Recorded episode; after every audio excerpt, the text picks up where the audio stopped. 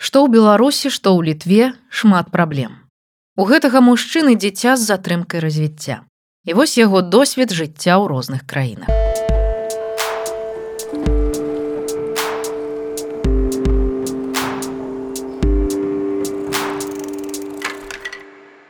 Міграцыя заўсёды складаная і стрэсавая падзея. Усё становіцца цяжэйшым у разы, калі трэба несці адказнасць за дзіця, асабліва з затрымкамі ў развіцці. Даведаліся пра тое, з якімі праблемамі сутыкаюцца такія людзі ў літве і з якімі ў Беларусі. Уладзіславу 38 гадоў. Цяпер жыве ў вільнюсе разам з сынам, у якога затрымка ў развіцці. Майму сыну ў жніўні споўнілася 9 гадоў. Цяпер ён ходзіць у трэці клас, расказвае Уладзіслаў. Я з мінска. Таму асноўны шлях па карэкцыі праходзілі там. Потым пераехалі ў вільнюс. У дзіцяці агульнае недаразвіццё маўлення, клона танічнае заіканне. З-за гэтага ён адстае ў разуменні навакольнага свету і прыкметна адрозніваецца ў развіцці ад аднагодкаў.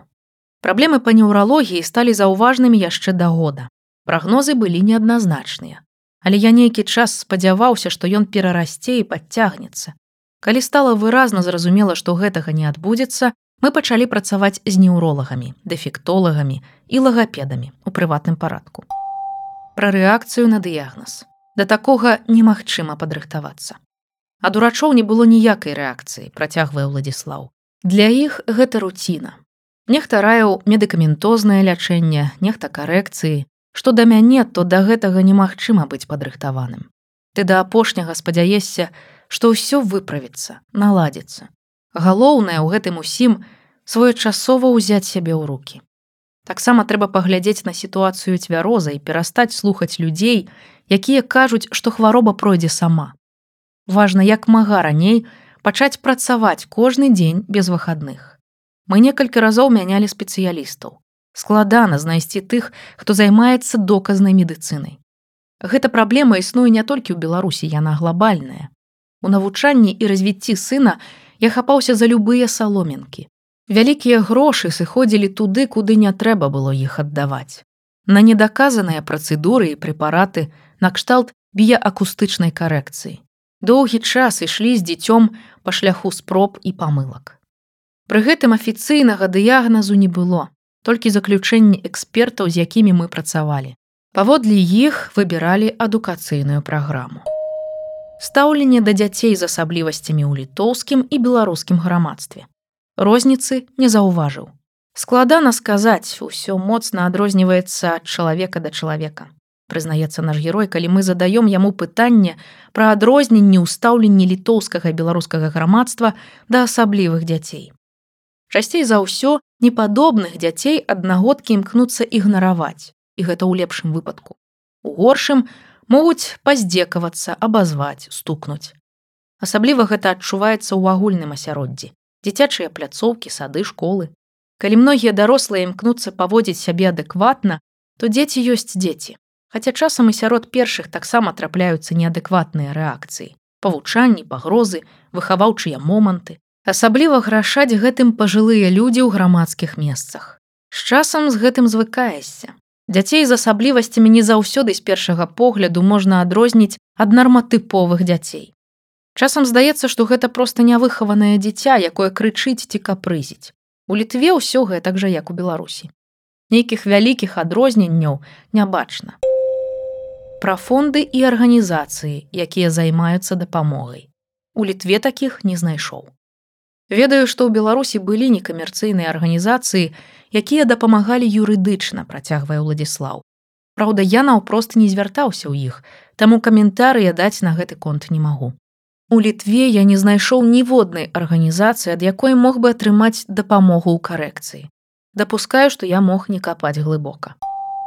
Пра пэўныя падыходы, якія патрэбныя дзіцяці з асаблівасцямі.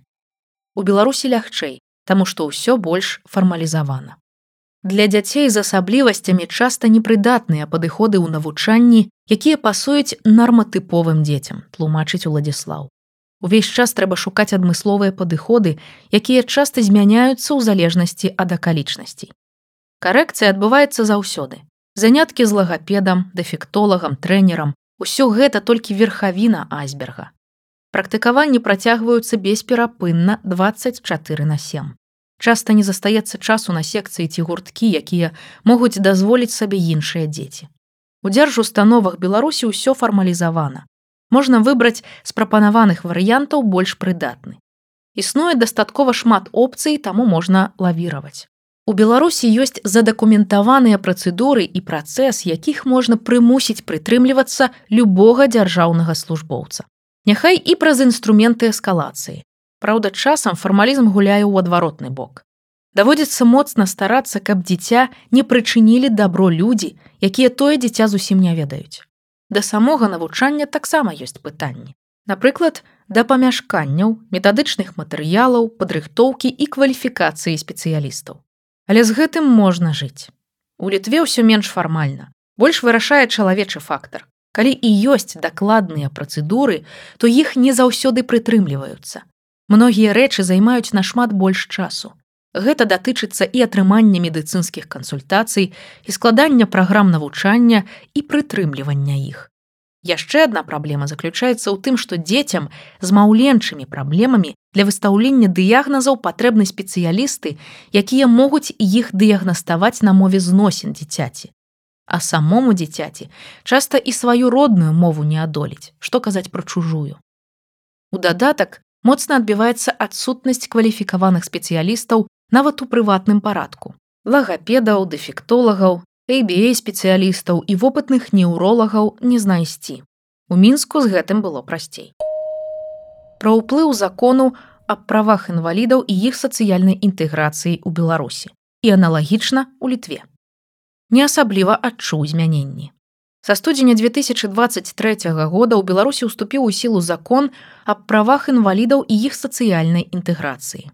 Паводле яго дзяржава абавязваецца ствараць умовы для забеспячэння людзям з інваліднасцю незалежнага ладу жыцця і даступнага асяроддзя.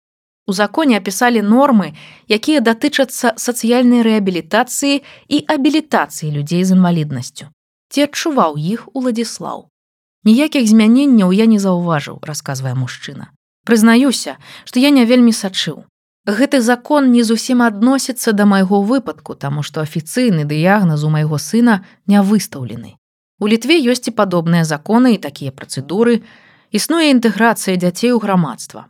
Працуе псіхолага-педагагічная камісія.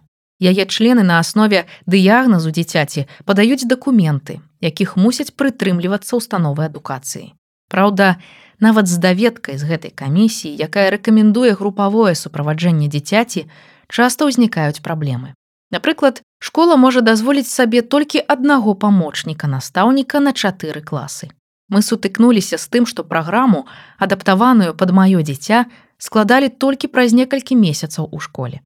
Па выніку рэсурсу настаўніка проста не хапала, каб надаваць дастатковую ўвагу сыну і прытрымлівацца заяўленай праграмы.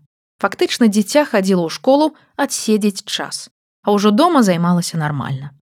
З такім стаўленнем мы сутыкаліся і ў Беларусі. Заўжды даводзіцца хадзіць і дабівацца, каб нешта атрымаць, часам шмат разоў. Пра праблемы пасля пераезду з Беларусі. Цяжка і доўга запісацца да ўрача. Я перавозіў дзіця ўжо з часовым працоўным ВНЖ на руках, кажа Владзіслаў. Таму нам было прасцей атрымаць і месца ў школе і рэкамендацыі камісіі. Без ВНЖ ўсё вельмі ускладняецца. Хаця нават з ВНЖ для мяне было дзіўна, што трэба чакаць некалькі месяцаў, каб трапіць да вузкага спецыяліста. Зрабіць базавую ЭЭГ аказалася складана. Прыемным і незвычайным было тое, што можна зайсці да любога чыноўніка наўпрост усё абмеркаваць і абгаварыць.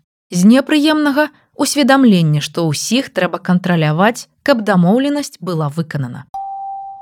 Пра кам'юніці бацькоў дзяцей з асаблівасцямі развіцця ў Беларусі і літве. Гэта складана назваць супольнасцю, але яна ўсё роўна вельмі дапамагае.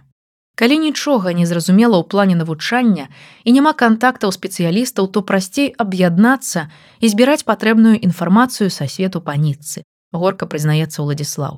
У мінску быў чат для камунікацыі бацькоў дзяцей з асаблівасцямі не толькі на тэму карэкцыі. Ён моцна дапамагаў па любых пытаннях. У літве нам таксама захацелася стварыць нешта падобнае, каб самому не рабіць розныя памылкі. Цяпер нас там каля 60 чалавек. Перапіска там вельмі дапамагае ўдзельнікам арыентавацца на мясцовасці.